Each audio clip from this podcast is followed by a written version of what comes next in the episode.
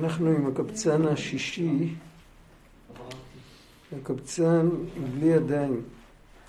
אין לו ידיים. או יותר נכון לומר, לא אין ידיים. הידיים לא שלו. ואין לו, לו כוחי ועוצם ידי בעצם.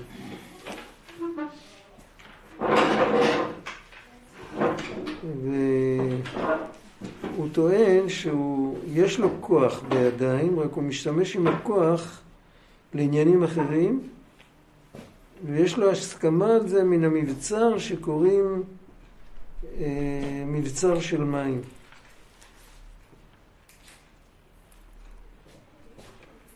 מה זה הסיפור של מבצר של מים? עוד לא קראנו.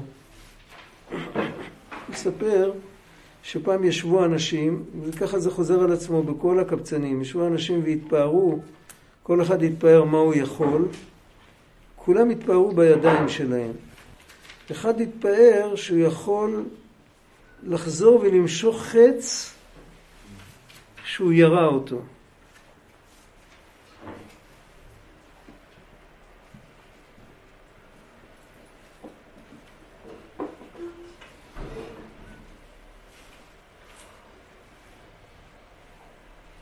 זה דבר שאנחנו לא מכירים. אנחנו מכירים, אה, אנחנו מכירים אה, כאילו, את הבחירה אנחנו מכירים לפני המעשה, ולא אחרי המעשה. אם, אם יר... החץ, עזבת את היד, המיתר דחף את החץ קדימה, אין לך מה. הוא יש לו כוח כזה שיכול למשוך את החץ חזרה. אפשר לתקן קלקול גם אחרי שהוא קרה.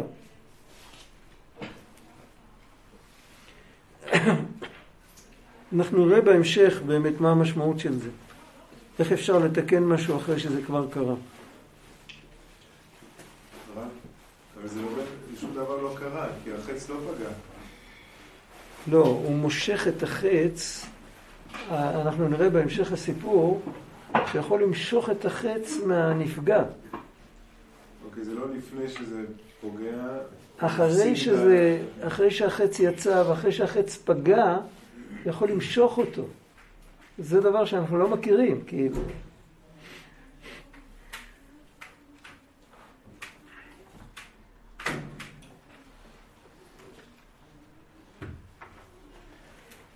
ושאלתי אותו, איזה חץ אתה יכול להחזיר? כי יש עשרה מיני חיצים. כי יש עשרה מיני סמים, היינו, כשרוצים לראות חץ, מושכין אותה באיזה סם. ויש עשרה מיני סמים, שכשמושכין אותה בסם זה היא מזקת כך, כשמושכים בסם שני היא מזקת יותר, וכן יש עשרה מיני סמים, שכל אחד גרוע יותר, אין שמזיק יותר. וזה בעצמו עשרה מיני חיצים, כי החיצים הם מין אחד. רק מחמת שינוי הסמים שמושכים את החץ בהם, שהם עשרה מינים כנ"ל, על כן נקראים עשרה מיני חיצים. ועל כן שאל אותו, איזה מין חץ אתה יכול להחזיר? גם שאל אותו אם קודם שהגיע החץ לאותו שזרקה לו הוא יכול להחזירה, ואם גם אחר שהגיע החץ עדיין יכול להחזירה. ועל זה השיב, אפילו כשהגיע החץ עדיין אני יכול להחזירה. אך איזה מין חץ הוא יכול להחזיר? השיב מין חץ פלוני הוא יכול להחזיר. בואו נעצור רגע. אנחנו אומרים, אה, לפני שאתה מקבילה לזה,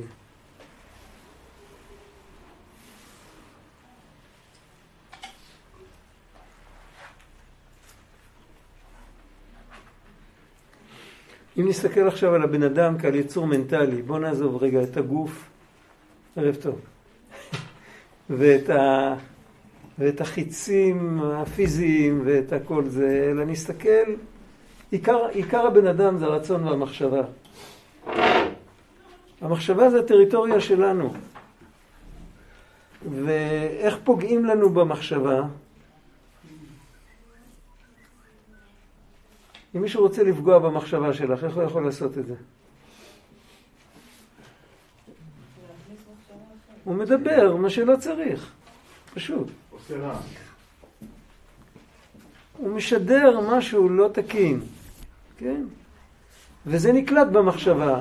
זה יכול להיות אה, להראות משהו, זה יכול להיות לדבר משהו, זה יכול להיות פונטי, זה יכול להיות ויזואלי, זה יכול להיות כל מיני דברים. המחשבה שלנו היא, היא יצור די פגיע. אנחנו יכולים להיפגע. אם מישהו יורה חיצים, החיצים מגיעים, הם עושים נזק. בפרט כשאנחנו עדיין צעירים ולא יודעים להבחין בין טוב לרע, אז ודאי שזה עושה נזק. זה יכול להיות אה, בגיל מבוגר, אז הרבה פעמים אנחנו מסננים החוצה, זה כאילו שלובשים מגן. ויש דברים שלא מגיעים אלינו. אבל אם בן אדם עדיין פתוח לקבל את הכל, והוא לא יודע מה כן, מה לא, לא יודע מי נגד מי, אז כל דבר שנכנס, נכנס, נכנס ונקבע והוא מאמין בזה. וכל דבר עושה נזק בצורה אחרת.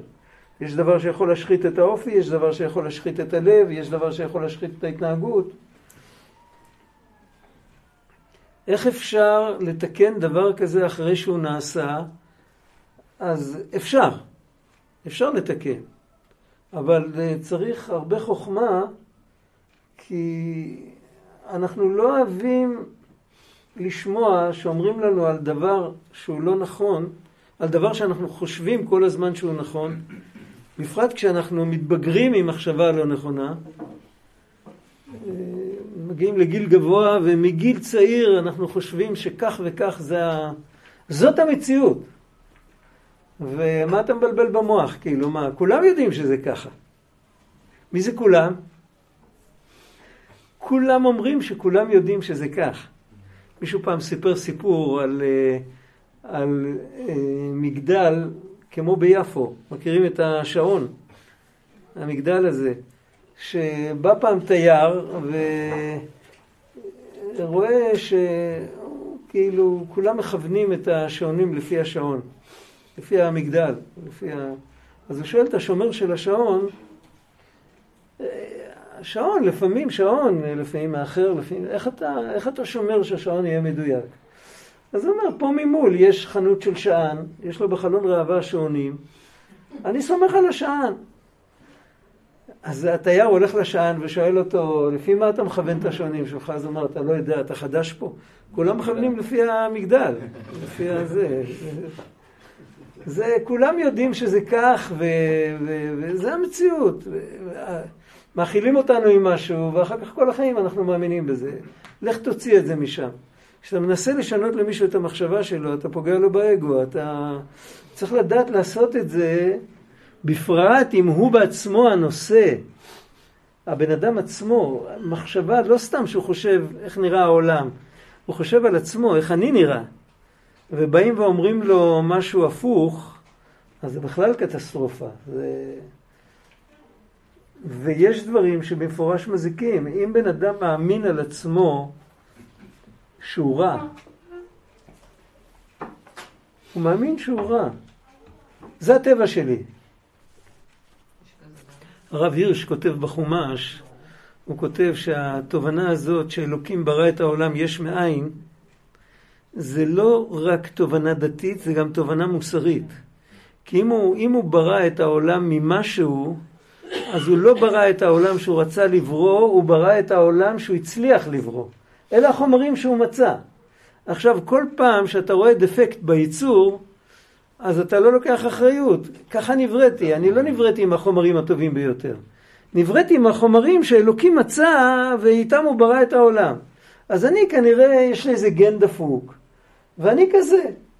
אבל בשביל זה התורה אומרת, בראשית ברא אלוקים. ברא הרמב"ן אומר, ברא זה יש מאין. ברא זה בריאה, לא היה לו חומר, הוא יצר גם את החומר. וכשהוא יצר גם את החומר, אז הוא יצר את החומר שהוא רצה. את החומר הכי טוב. ולאף אחד אין גן דפוק שהוא חייב להיות רע. יש אנשים שיותר קשה להם, יש אנשים שפחות קשה להם. בדרך כלל האנשים שיותר קשה להם הם האנשים הטובים שהם אמורים להיות מורים וללמד אם קשה לך, אז כנראה שנבחרת, כי אם הכל קל לך, אז אין לך שפה משותפת עם האנשים עם הקושי. אם קשה לך, אז כנראה אתה נבחרת, דרכך העניין הזה עובר. ודיברנו גם, זוכרים את הספירה על העמוד? מי מכיר את זה? מי מכיר את זה? מי? זה הכל. מתי? מתי למדנו על זה? זה לא היה. לפני שבועיים. אתה לא היית לפני שבועיים. לפני שבועיים היית? אה, לפני שבוע לא היית. כן. היית? לפני שבוע? לא. לפני שבועיים היית. אוקיי. לא משנה, לא משנה. עזוב. המשל, על העמוד הזה עם המדרגות זה משל שחלק מהעמוד מואר וחלק מהעמוד חשוך. וכשאתה מתקדם, למעלה יש מקור של אור. יכול להיות שהאור בוקע מתוך העמוד. אנחנו נראה את זה בהמשך. אבל המקור של האור הוא מכוון לצד אחד. בצד השני חשוך. וכשהם מטפסים, אז כל פעם עוברים קטע חשוך. אם בן אדם כשהוא מגיע לחושך הוא מבין שהוא נפל לתוך בור, הוא לא מבין שהוא ממשיך לטפס, אז הוא יעצור שם. או שהוא ייפול למטה לגמרי. אם, אם אנחנו מרגישים שקשה לנו, זה לא אומר שיש לנו גן דפוק, זה אומר שעכשיו זה חלק מההתקדמות שלנו. כל פעם שעולים קומה עומדים מול דלת סגורה, נעולה, וצריך לחכות בסבלנות שהיא תיפתח ולשים רגל, שלא, שלא תיסגר חזרה. הקושי זה, הקושי זה המורה, זה, המדרבן, המאתגר. ולכן החיצים שהסביבה שולחת לנו, זה בדרך כלל זה חיצים של אמירות של ייאוש, של קטלוג, של אה, כאילו, אתה לא ראוי, זה בדרך כלל החיצים האלה. אתה לא ראוי ותעזוב את זה לא בשבילך, ואם אתה באמת רוצה להתקרב לאלוקים ולהתחיל לזוז ולהתחיל לעבוד קשה, אז הוא תמיד, החץ הזה תמיד יראה לך את הצד הבלתי אפשרי של העבודה. אפשר להתחיל לעבוד, אה, קודם כל לנקות את השטח. קודם כל לנקות את כל ההתנהגות, זה קשה, ולנקות את האוכל, זה עוד יותר קשה, ואחר כך לנקות את הנשימות, ואחר כך לנקות את הסביבה, ואתה צריך להיות בשביל זה גם טבעוני וגם אקולוג וגם צדיק וגם דתי וגם לא יודע מה, אבל אתה יכול לעומת זאת במקום זה לנקות את החשיבה. ברגע שאתה מתחיל מהחשיבה, זו עבודה הרבה יותר קלה. ודרך זה שאתה מנקה את החשיבה, אתה תנקה כבר את כל המערכות למטה. אבל התרבות, התרבות שלנו, היא תמיד תראה לנו את הקושי, היא תמיד תגיד, אתה לא תצליח, ושאתה יודע במה זה כרוך? אתה לא יודע במה זה כרוך, אתה רוצה להתקרב לקדוש ברוך הוא, מה אתה רוצה להיות נזיר? אתה רוצה להיות מתבודד? אתה רוצה לגור על ההימאליה? מה... תמיד יראו לנו את הצד הלא אנושי של הדבר. ביהדות הכהן מתחתן, הוא עובד בבית המקדש שבועיים בשנה סך הכל. שבוע אחד בקיץ, שבוע אחד בחורף. הוא כל השנה בבית שלו בכלל. התיאור של הכהן בבית המקדש, הוא תופס לנו את העיניים, וואי, אתה רוצה להיות כאילו, מה זה כהן? כהן זה כאילו עובד אלוקים. אתה רוצה להיות עובד אלוקים, כאילו אתה צריך להתנתק מה, מכל מה שקשור עם כל דבר שזז. זה לא נכון. זה חץ שפוגע בנו במקום שאנחנו, של, שנפחד. זה, זה, זה גורם לנו את הפחד. יש חיצים אחרים, יש עשרה מיני חיצים, לכל כוח בנפש יש את החץ שמדבר אליו ואומר לו אתה לא יכול. כל חץ כזה הוא, הוא גורם שיתוק, הוא לא נותן לנו להתקדם. בן אדם יכול להתקדם קודם כל הוא צריך אה, לפרק את הפחד. אם בן אדם מפחד מההתקדמות, הוא מפחד מלהשתפר, נו מה אתם צריכים יותר מזה? נגיד שבן אדם נתקע עם איזה בעיה, יש לו בעיה, הוא לא מסתדר. אם הוא מרוויח מהבעיה, הוא, הוא לעולם יישאר עם הבעיה. אם בן אדם מרוויח את העצלות ואת העצבות ואת ה... לשבת על כיסא ולא לעשות כלום, ו... אז הוא מרוויח את זה, נוח לו עם זה, אז אה, כאילו, הוא פוחד לקום, הוא פוחד לזוז, קשה לו עם זה. זה חץ אחד. יש עוד המון חצים כאלה. יש, אה, יש חץ שעליו יושבת התאווה, התאווה גם יושבת על פחד. אם אומרים לבן אדם להתגבר על התאוות שלו, אז הוא אומר, אז מה, לעולם לא יהיה לי את זה? מה בעצם עומד כאן בבסיס? פחד. כנראה שהתערובת של הפחד היא נמצאת בכל, ה... בכל הרעלים שמשוחים על כל החיצים. בכל אחד יש איזה טיפה פחד, כל אחד יש טיפה חוסר ביטחון, ובכל אחד יש טיפ-טיפה גאווה גם. לפעמים הגאווה היא חץ. כאילו, אני צריך, אותי, אותי צריך לשרת, אני צריך לשרת מישהו? אני צריך להגיד תודה בכלל? איך אמר פרעה, זוכרים? שבא אליו משה ואמר לו, אה, כה אמר השם אלוהי העברים שלח את עמי ויעבדוני, מי השם אשר אשמע בקולו? לא ידעתי את השם וגם את ישראל, אני לא מכיר אותו. אתה אומר אני לא מכיר אותו עם הכוח שהוא נותן לך עכשיו. באותו רגע מאיפה יש לך אנרגיה להגיד אני לא מכיר אותו? אם היית יושב וחושב, אנחנו עוד נגיע לזה הלאה בהמשך. אם היית חושב, יושב וחושב רגע מי אתה ומאיפה יש לך כוח לזוז ולדבר, אז היית מגיע לזה, אז לא היית יכול להוציא את המילים האלה מהפה מי השם. אבל זה חץ, ועל זה, על, ה, על הפחד בנויים התאוות, ועל הגאווה בנויה הכפירה. הכפירה נראית לנו אינטלקטואלית נטו, אבל היא בעצם, היא, היא, לא, היא לא אינטלקטואלית. כפירה עד הסוף זה אמונה פנאטית. תחשבו על זה. אף בן אדם הגיוני הוא לא כופר. רק, אז מאיפה זה מגיע? זה מגיע מהגאווה. אם יש אלוקים, אז אני לא המרכז ואני לא הכי חשוב. אז uh, ידעתי כי באדם אאמין. זוכרים את השיר? כן.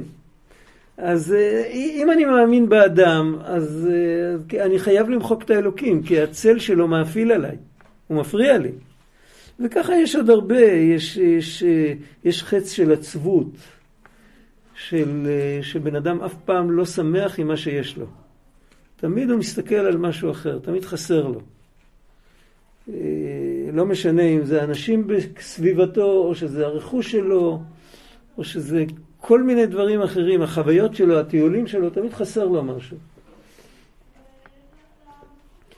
החץ של, ה, של העצבות, של ה... כאילו אומרים, של החוסר סיפוק הזה, של הנרגנות, הייתי קורא לזה. זה לא קשור לאופי. זה, זה, זה, גם אופי, אופי, אופי זה עדיין, אופי זה אישיות. זה, אופי זה לא, יש משהו של אופי שהוא בגנים. זה לא גנטי, זה סביבתי. זה פולני. הוא קוטר. אחד שאוהב לקטר. אז הקיטור נובע משכחה. משכחה, זה סוג של שכחה, בן אדם שוכח כמה טוב לו. הוא שוכח את, ה, את המתנות שהוא קיבל, והוא גם לא זוכר, זה לא רק, המתנות זה לא רק הגודל של המתנה, זה גם מי נתן את המתנה. אני הכרתי יהודי שפעם צדיק נתן לו אגוז מלך. בעצם בסוכות הוא חילק אגוזים לכולם, נתן לו אגוז מלך. הוא שמר את האגוז עד שהוא נפטר. אחרי שהוא נפטר האגוז הזה נאבד מה... זה היה אצל הבת שלו והאגוז הזה נאבד. אבל כל זמן שהוא היה בחיים הוא שמר על האגוז. האגוז כבר היה ריק בפנים, כבר התייבש לגמרי כבר. שעשו ככה הוא כבר לא צלצל. אבל זה היה לו בוויטרינה את האגוז, את האגוז הזה קיבלתי מה, מה, מהצדיק ההוא. למה? מה, כמה שווה אגוז מלך? שם באירופה זה גודל ב, ב, במדרכה.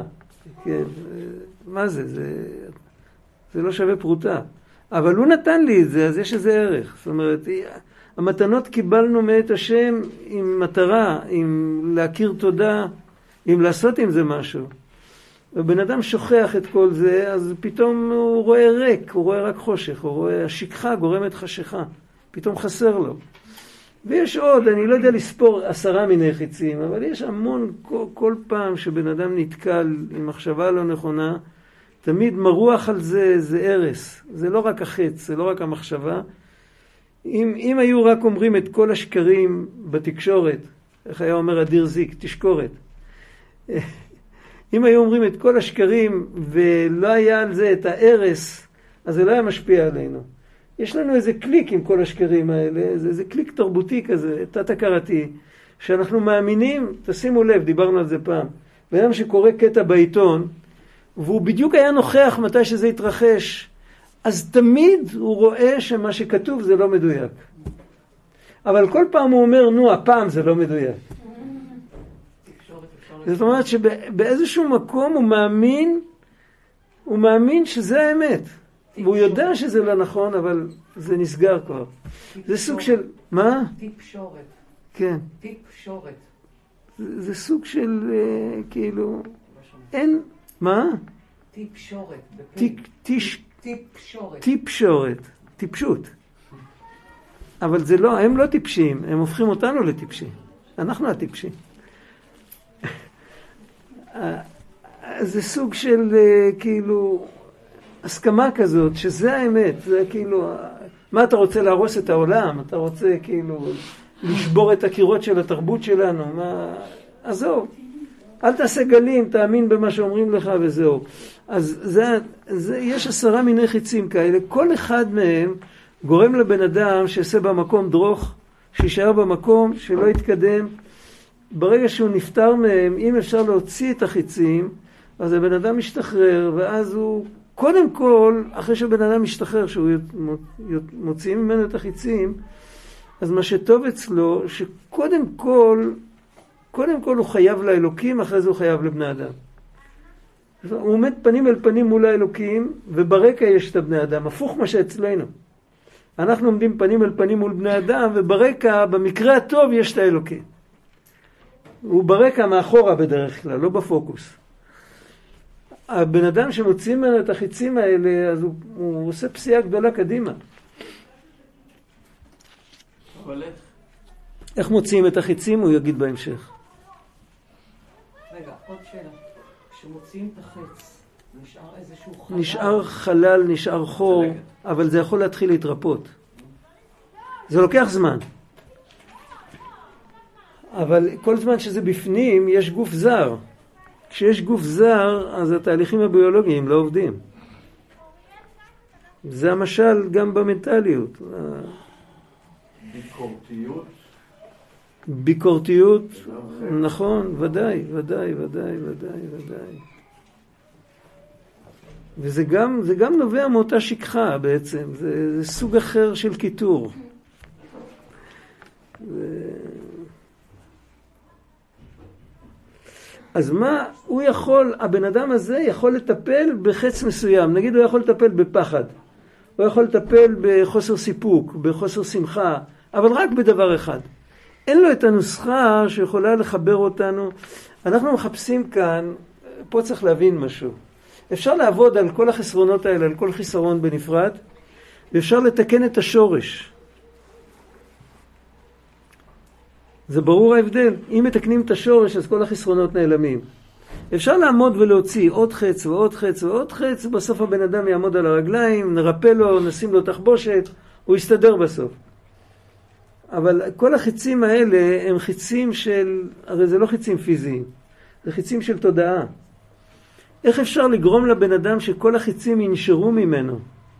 וברגע שאני מדבר אל הנשמה שלו, ואני פשוט אומר לה את האמת, באופן כזה שהיא מרגישה שרק זה האמת. יש סיפור על הבעל שם טוב, שהוא פעם הגיע לאיזה חולה, והוא ישב לידו, והחולה עברי. ואחר כך הגיע הרופא, ושאל אותו, הוא חשב שזה גם רופא, הוא שאל אותו, מה עשית? יש כל מיני שיטות כאלה של ריפוי רוחני, מחשבה, עם זה. אז הוא אמר לו, ו- וכאילו הוא התפלא, הוא אמר לו, זה היה חולה סופני, לא היה שום, שום אפשרות לעזור לו, איך, מה עשית? אז אמר לו, תראה, אתה השגת את הגוף שלו, בגוף היה לו נזקים בלתי הפיכים, ובאמת לא היה אפשר לעזור לו. אני השגתי את הנשמה שלו. ישבתי ודיברתי עם הנשמה שלו, והנשמה קיבלה על עצמה לתקן את מה שהיא צריכה לתקן ברוחניות. ובגלל, לנשמה יש גם רמ"ח איברים ושסה גידים, כמו שאומרים. יש לה גם את כל, ה, את כל המערכות ברוחניות. וברגע שהנשמה קיבלה על עצמה לתקן את מה שהיא צריכה לתקן, אז הגוף יסתדר לפי זה. זה דוגמה של, הוא לא, הבעל שם טוב לא דיבר על, אה, על כל דבר בנפרד. הוא לא הלך לרפות לא את הריאות ולא את הלב ולא את המוח ולא שום דבר. הוא הלך לתקן את הקשר שיש בין הנשמה לקדוש ברוך הוא. זה באמת, זה בעצם ההבדל בין אחד שיכול להוציא חץ אחד לאחד שיכול להוציא את כל החיצים. אחד שיכול להוציא חץ אחד, אז זה לא בעיה, אפשר לאסוף את עשרה חבר'ה, כל אחד, יכול, כל אחד יודע להוציא חץ אחד, כולם ביחד יוציא את כל החיצים. אז מה, מה, מה החוכמה של אותו אחד שיודע להוציא את כל החיצים? הנקודה היא לא זאת, אז זה שיודע להוציא את כל החיצים הוא לא מתעסק עם החיצים. הוא מתעסק עם התודעה האוריגינלית של הבן אדם, והוא מדבר איתו ככה שהחיצים נושרים ממנו, הם מתחילים להצחיק אותו. יש לפעמים שאתה צריך לשכנע בן אדם שזה לא נכון, אתה נכנס איתו למלחמת עולם. יש לפעמים שאתה נותן לו איזה חוכמה שפתאום מתחיל להתגלגל מצחוק. זה מצחיק אותו איפה הייתי קודם. בואי, ואני חשבתי שזה ככה. זה איכות שונה. וזה באמת הדרך, רבי נחמן אמר פעם על עצמו, הוא אמר ש...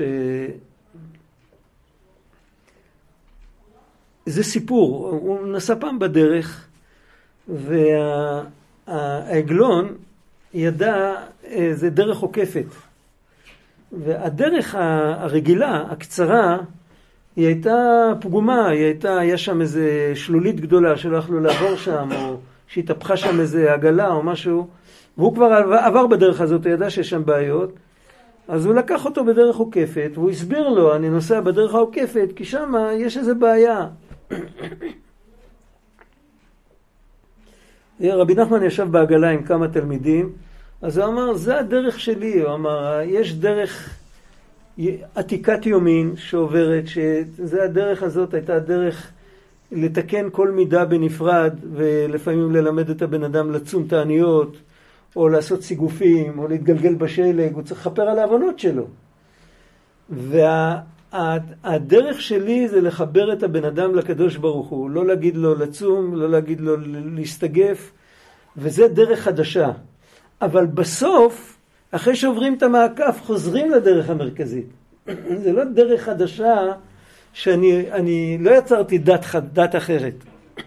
צריך לעבור את הנקודה הקשה ולהגיע לאותו מקום. מה המשמעות של זה? המשמעות של זה שאנחנו להתמודד עם עבודה שהיא קשה, אנחנו לא נצליח. צריך לעשות לנו גם את הדרך יותר בקלות.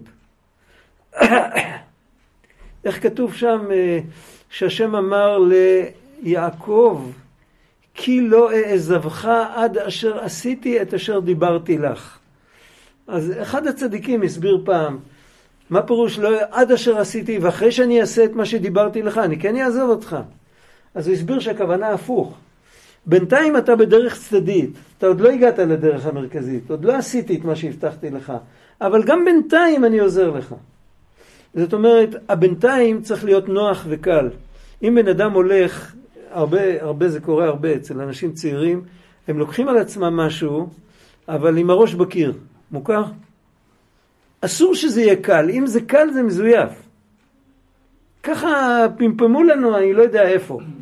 זאת שאריות של השומר הצעיר או של קוץ, אני לא יודע, זה יכול לבוא מכל מיני כיוונים. יגעת ומצאת. יגעת ומצאת. אבל לפעמים היגיעה היא לוותר על הקושי. זה יגיעה אחרת. להסכים לבוא כמו ילד. זו תורה של הרב יהושע, הוא אמר פעם, לפעמים יהודי צריך להיות כמו גנרל, כמו מלך, כמו שר, לפעמים יהודי צריך להיות כמו חייל, ולפעמים יהודי צריך להיות כמו תינוק. מה עושה תינוק? זה כתוב בתהילים, כי גמול עלי... מה עושה תינוק? הוא מבקש, הוא מבקש עזרה. אז אם קשה לך, אז קודם כל תבקש עזרה. ואם מבקשים עזרה באמת, מקבלים אותה. זה מהניסיון, לגמרי מהניסיון. זה לא, זה לא שסיפרו לי סיפורים. אם מבקשים עזרה בתמימות, מקבלים אותה. רק צריך לבקש. לבקש לא בגלל שכתוב בספר, אלא לבקש בגלל שחסר לי, ואתה היחיד שיכול לעזור לי. אם זה עובד בצורה כזאת, אז כל היתר, החץ הזה נופל והחץ הזה נושר, וכאילו הם לא רלוונטיים. עכשיו, יש לזה, יש לדבר הזה, יש פן יותר עמוק. נעבור את הקטע, אולי נתייחס אליו. אם הזמן יאפשר לנו, אם לא, אז אולי שבוע הבא. זה... הצגה סכמטית של משהו הרבה יותר פנימי, כל מה שדיברנו עכשיו. רק תזכירו לי, אם זה לא יצא הפעם, תזכירו לי שנוכל... אה, הייתי כל הזמן בחוץ. אין שום סיבה להיות בחוץ. הבפנים הוא כל כך גדול. הבפנים כל כך גדול.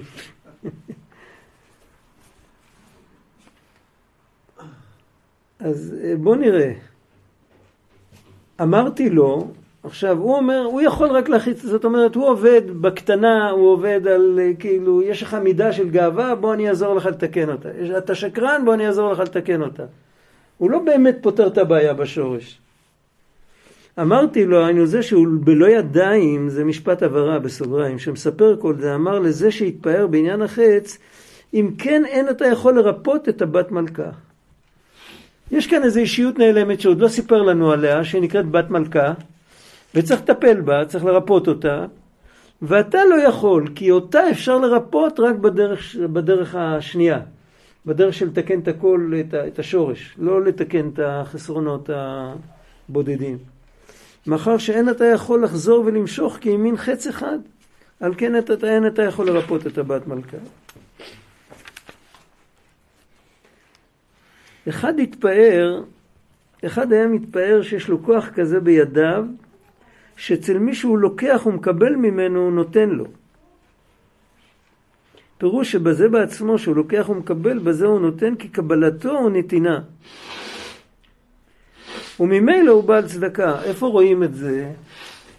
אה, רואים את זה גם, גם, גם אצלנו, אפשר לראות דברים כאלה, שלפעמים יש בן אדם, אה, כמו שמתואר בתלמוד, רבי חנינא בן דוסה, שכל העולם כולו חי, ניזון בזכותו, והוא מספיק לו קו חרובים מערב שבת לערב שבת. קו חרובים זה היה מאכל עיזים.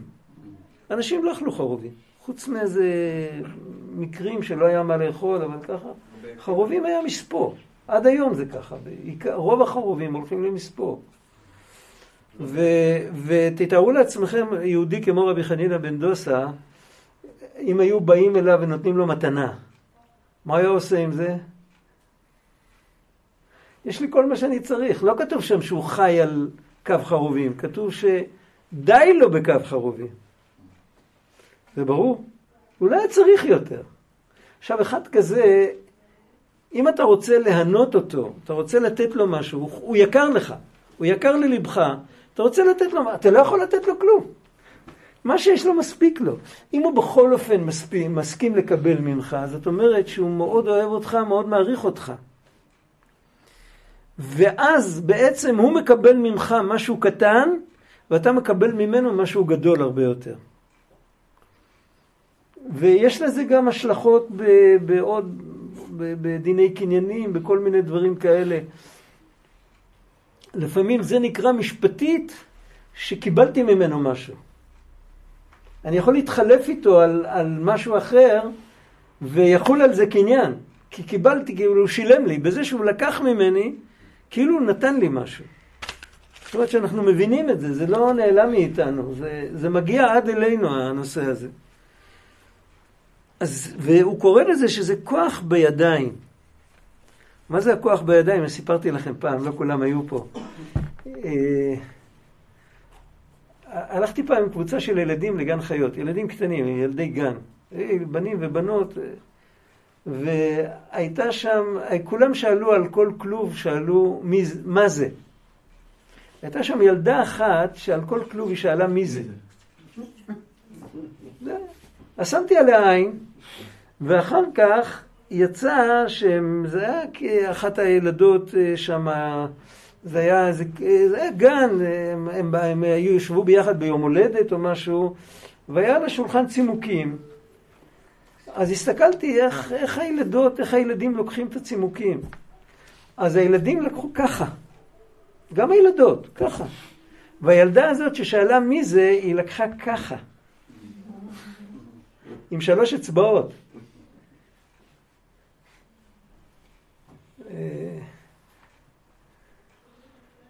זה, זה, זה בהלכות דרך ארץ, זה מופיע, מופיע במקורות יהודיים, שכשמחזיקים אה, אוכל כזה שאפשר לקחת אותו בידיים, שיקחו אותו ככה. אבל היא הייתה ילדה קטנה, אז אצלה זה בא מבפנים. זאת אומרת, זה ידיים אחרות, זה מתבטא בידיים. יש ידיים של תפוס כפי יכולתך, ושל עם המרפקים תזיז את כולם הצידה כדי שלא ייקחו לך. ויש ידיים שכל העניין שלהם זה להיות מדויק, להשאיר, לחשוב כמה מגיע לי, לתת, לפרגן. זה כוח בידיים. מה, מה פירוש כאן הידיים? מה הידיים? זה בעצם בלב. אבל המושג של ידיים, יד, זה מושג של טריטוריה. מה שלי, מה לא שלי.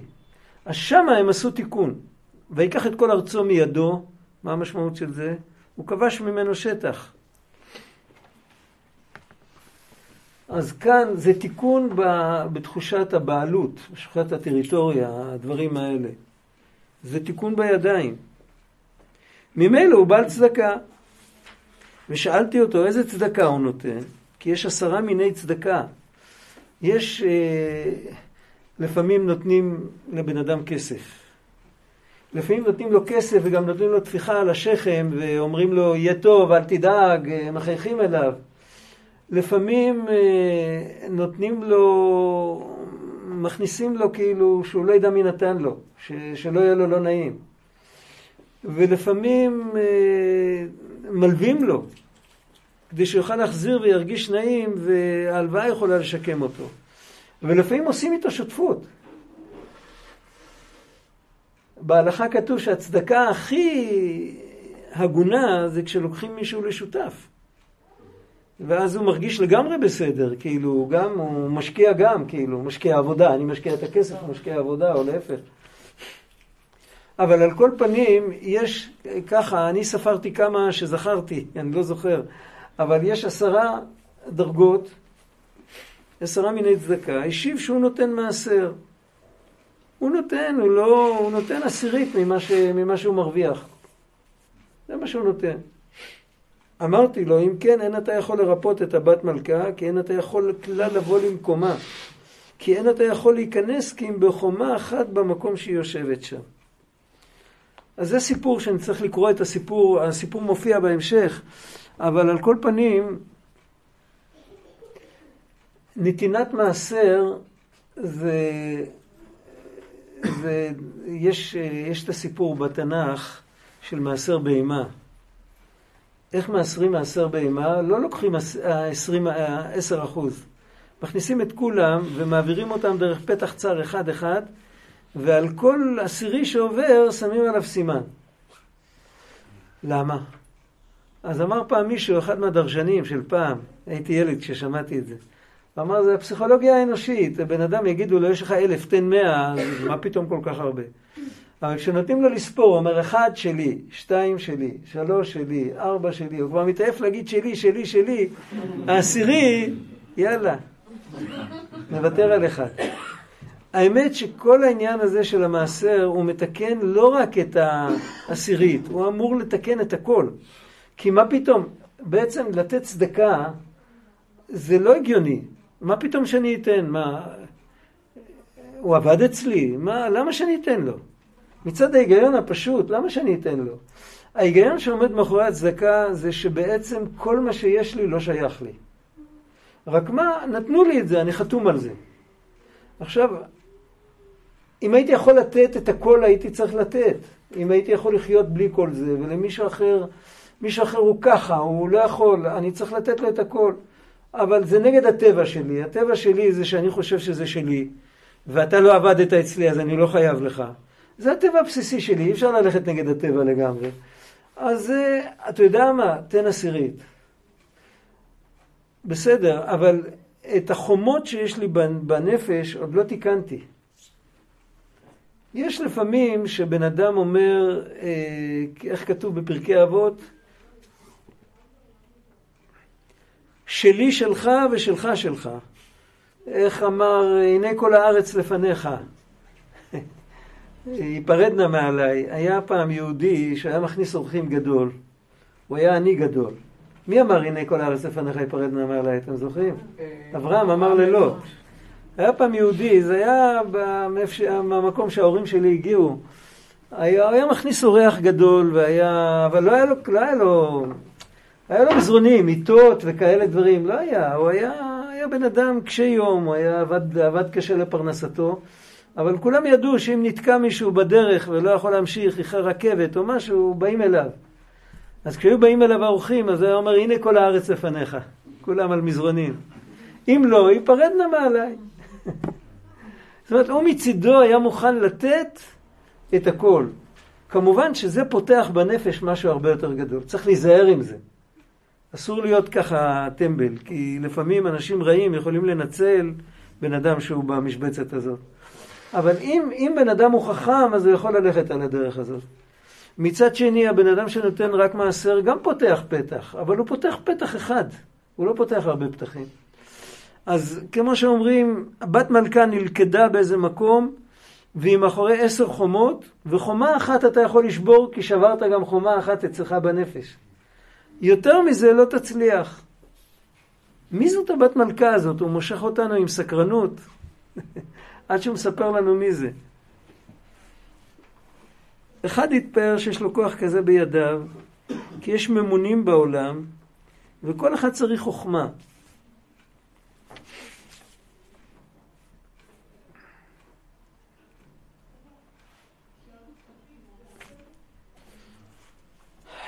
ויש לו, בסוף אנחנו נראה דבר מעניין.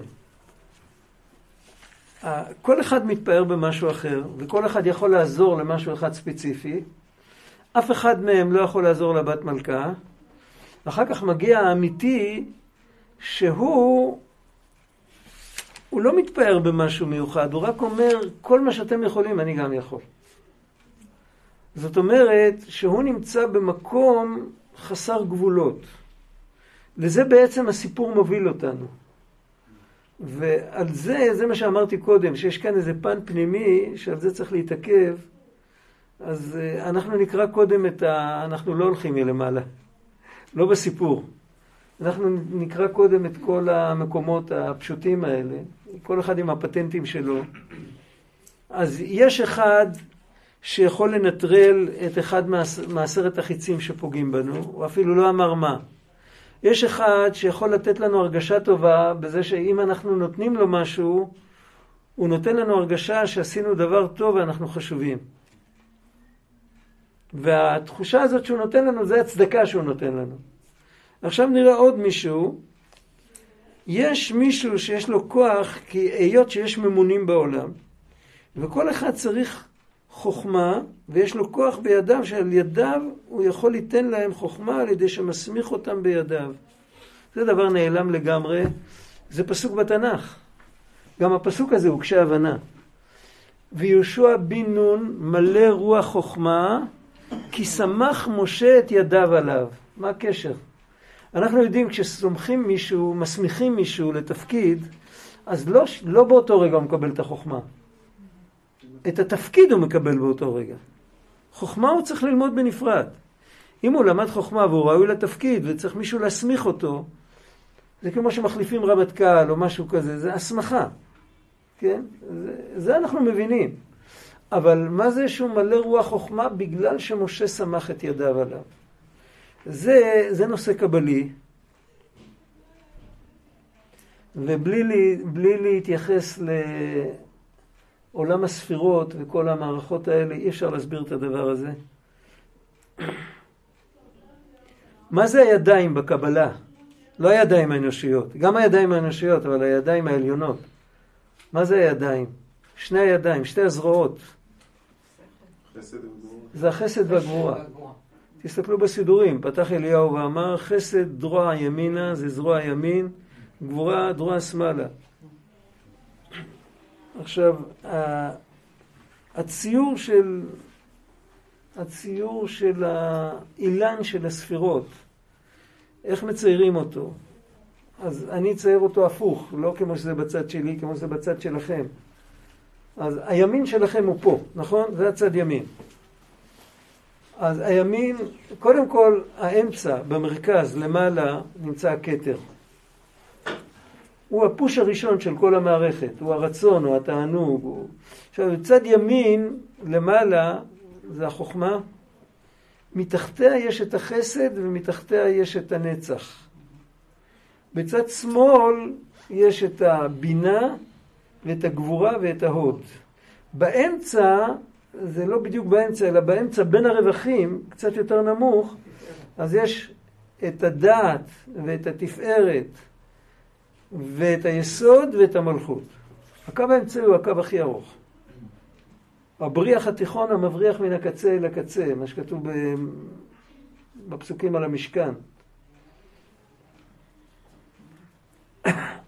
מה המשמעות של כל המבנה הזה?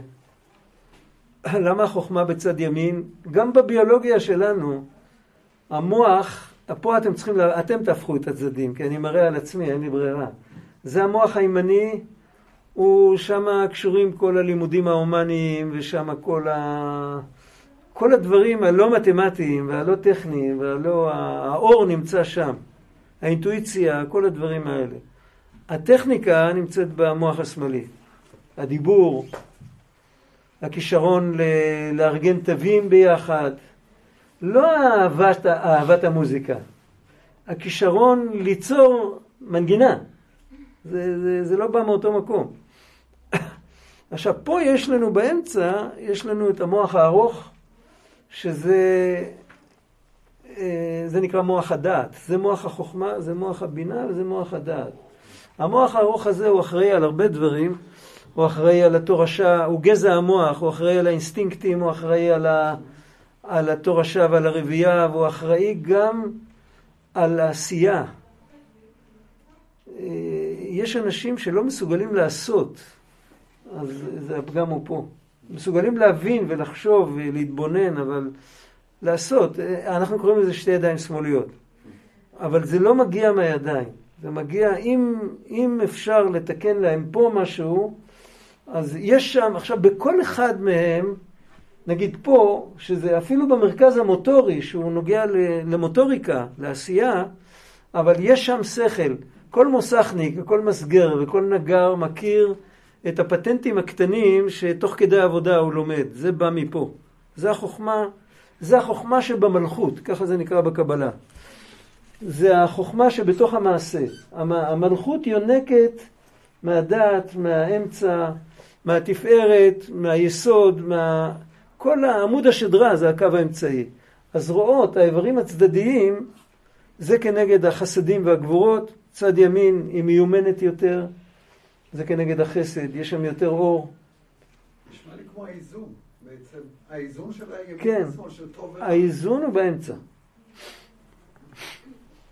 הדעת במנטליות זה האיזון, זה האחריות, השיקול, שיקול דעת, לא אומרים שיקול בינה, יישוב דעת. עכשיו, החוכמה היא כולה אור, ולכן היא מתגלית אצלנו בהבזקים. היא לא, אנחנו לא חווים אותה. הרמב"ם כותב באחד מהמקומות שבן אדם שחווה את האור של החוכמה לאורך זמן, הוא מדרגה כל כך גבוהה שהוא קרוב למעלת הנבואה. אנחנו מקבלים את ה... כמו ברק בחושך, אנחנו מקבלים איזה רעיון ואנחנו מפתחים אותו אחר כך. אבל ככה זה כל פעם שנופל אסימון, אנחנו קוראים לזה. זה, זה, זה נקרא בקבלה שהיסוד של החוכמה מאיר לבינה. אבל לא ניכנס עכשיו לדימויים האלה, זה לא כל כך חשוב. החוכמה היא אור ולכן ממנה בא החסד. הבינה היא בניין, היא טכניקה, היא, היא מבנים. הגבלות, מדידות, כן?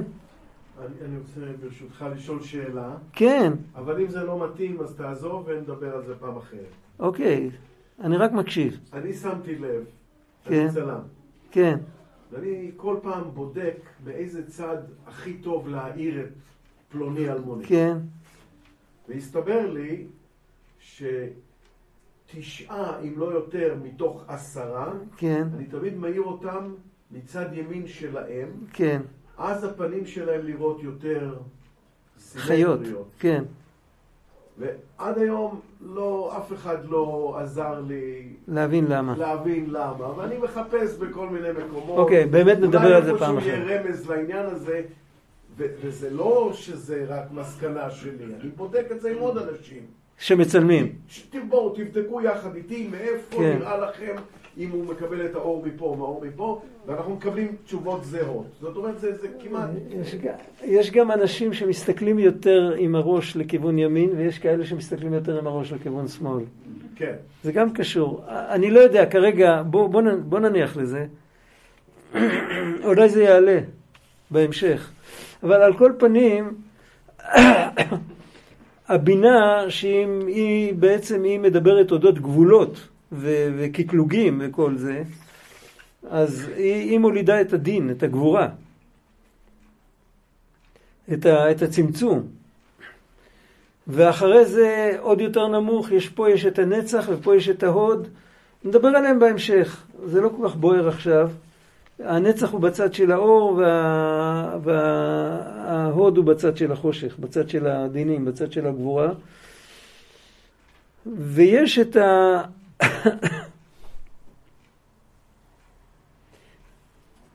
כדי שהחוכמה תוכל לרדת לעולם יותר נמוך, או כדי, כמו משה שסומך את יהושע, זה צריך לעבור דרך משהו.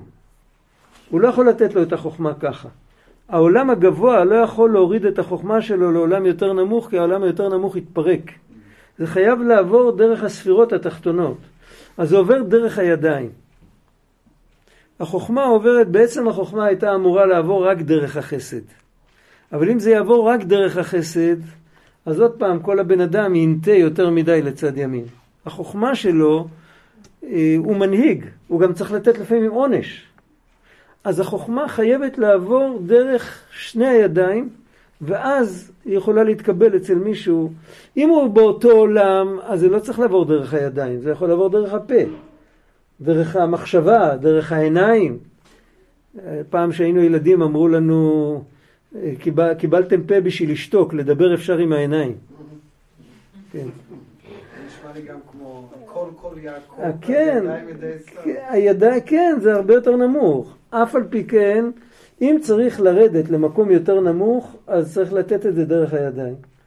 ובאמת, בעולם העתיק, אז uh, הרבה פעמים החכם היה מלמד את התלמידים שלו, הוא לא היה מלמד אותו את החוכמה, הוא היה מלמד מקצוע מסוים, ודרך המקצוע היה מעביר את החוכמה העמוקה שהוא רצה. כל אחד, אם אחד היה חקלאי, היית רוצה ללמוד אצלו, רצית ללמוד אצלו תורה, או, או, או פסיכולוגיה, או מה שלא יהיה, היית צריך קודם כל ללמוד להחזיק טוריה ביד, ודרך העבודה הוא היה מלמד אותך את כל... כי זה העולם שלך, הוא לא יכול להכניס אותך מיד לעולם שלו. וזה זה המשמעות של יהושע הרי זה עולם יותר נמוך, פני משה כפני חמה, ופני יהושע כפני לבנה. אז צריך, זה צריך לעבור דרך הידיים. עכשיו, הבן אדם הזה שמתפאר שהוא יכול לתת חוכמה דרך הידיים, הוא בן אדם מאוד גדול. הוא נמצא בדרגה מעל בני דורו. וכאילו שהוא אומר, כל מה שאני מלמד אתכם, אצלי זה הידיים. למוח שלי אתם לא יכולים להיכנס, אתם לא תבינו אותי. אם אני לא אצמצם את זה דרך רמה שנקראת יחסית ידיים, בכלל לא תוכלו להבין אותי, ככה הוא אומר. אז זאת אומרת, הוא בעל מדרגה גדול, הוא יכול לתת חוכמה, אבל כששואלים אותו, שאלתי אותו, איזה חוכמה אתה יכול ליתן בידיך? כי יש עשרה קבין חוכמה. עוד פעם, זה הכל בנוי על עשרת הספירות. יש חוכמה, בכל דבר יש עשר. רבי משה קורדוברו, שמעתם עליו? הרמק. הוא אומר ככה, כשאתה מסתכל על קובייה, יש לזה אורך ורוחב, לא, אורך ורוחב ועומק, נכון? לכל אחד מהם יש ראש תוך סוף. יש נקודת התחלה, נקודת סוף ונקודת אמצע. שלוש כפול שלוש זה תשע.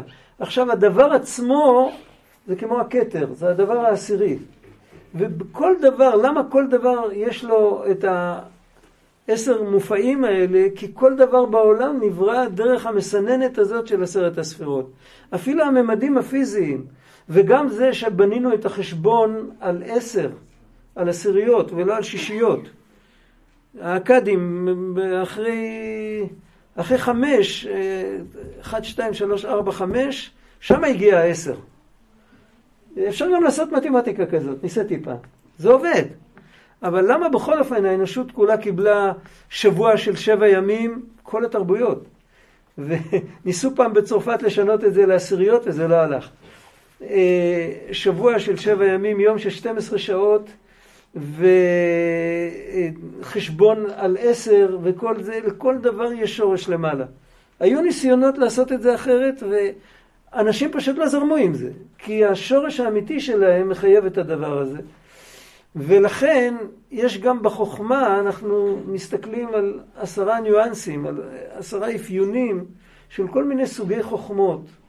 הקדמונים, הגויים, זה התחיל מהם, הם חילקו לשבע חוכמות. היה להם, אה, פעם מישהו בדק פה, בטלפון, הוא בדק אה, מה זה השבע חוכמות.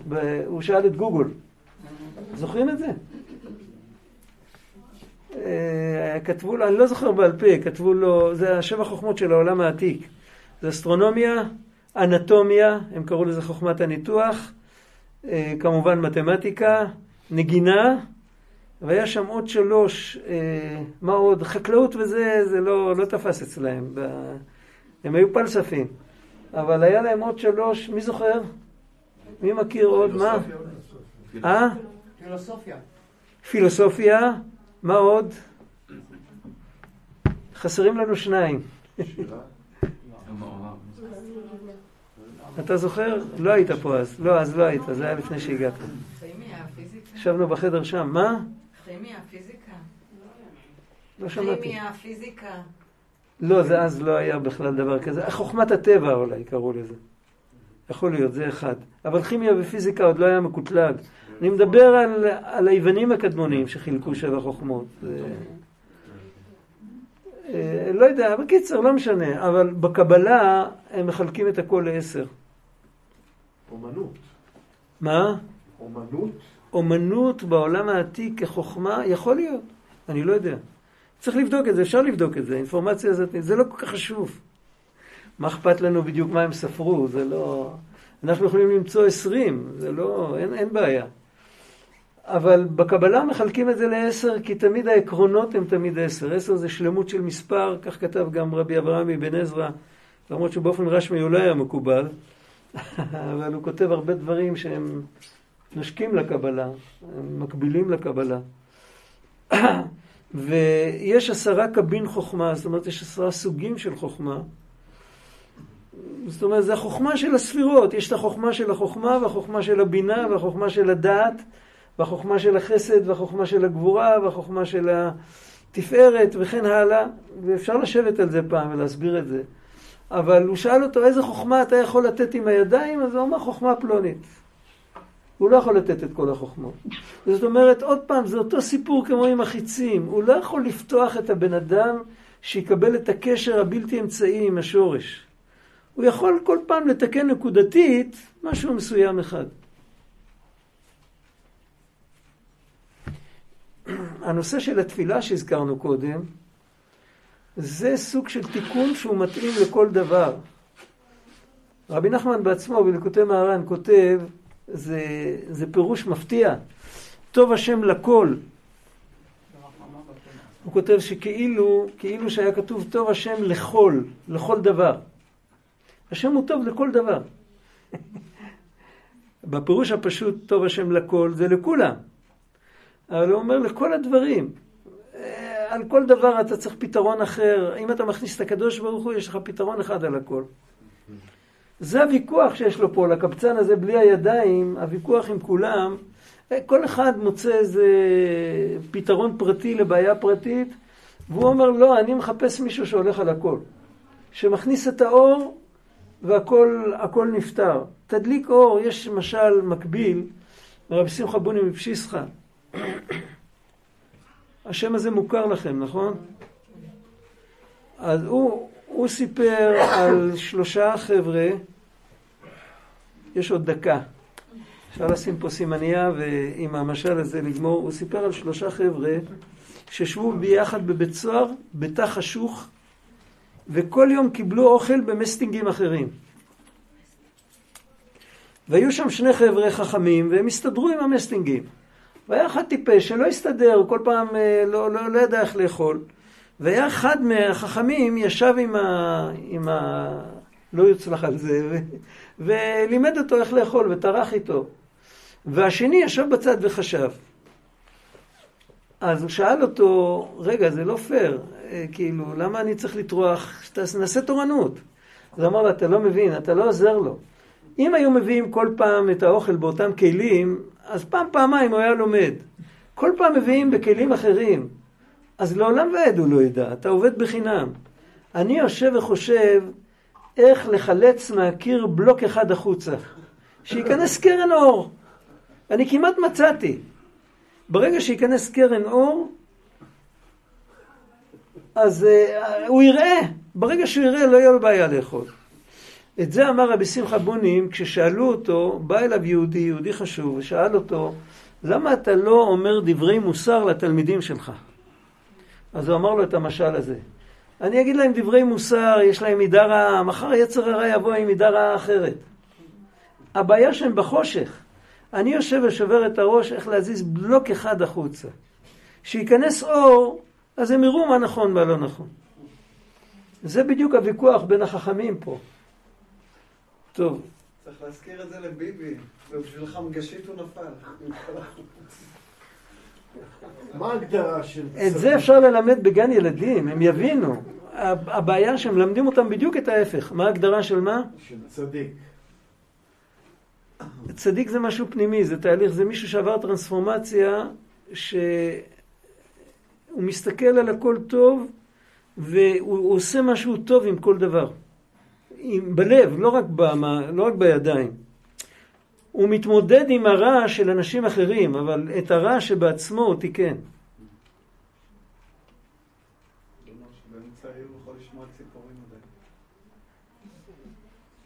אה, למה קוראים לזה דווקא צדיק ולא שם אחר, זה עוד פעם סוגיה קבלית. זה. בזוהר איפה שכתוב צדיק בכלל לא מדובר על בני אדם, מדובר על ספירה, ספירת היסוד נקראת צדיק. והצדיק עושה את מה שספירת היסוד עושה, אז הלבישו עליו את המילה צדיק. אבל זה עוד פעם, זה ארוך, זה... למה האור בצד הימני של הפנים נקלט יותר טוב?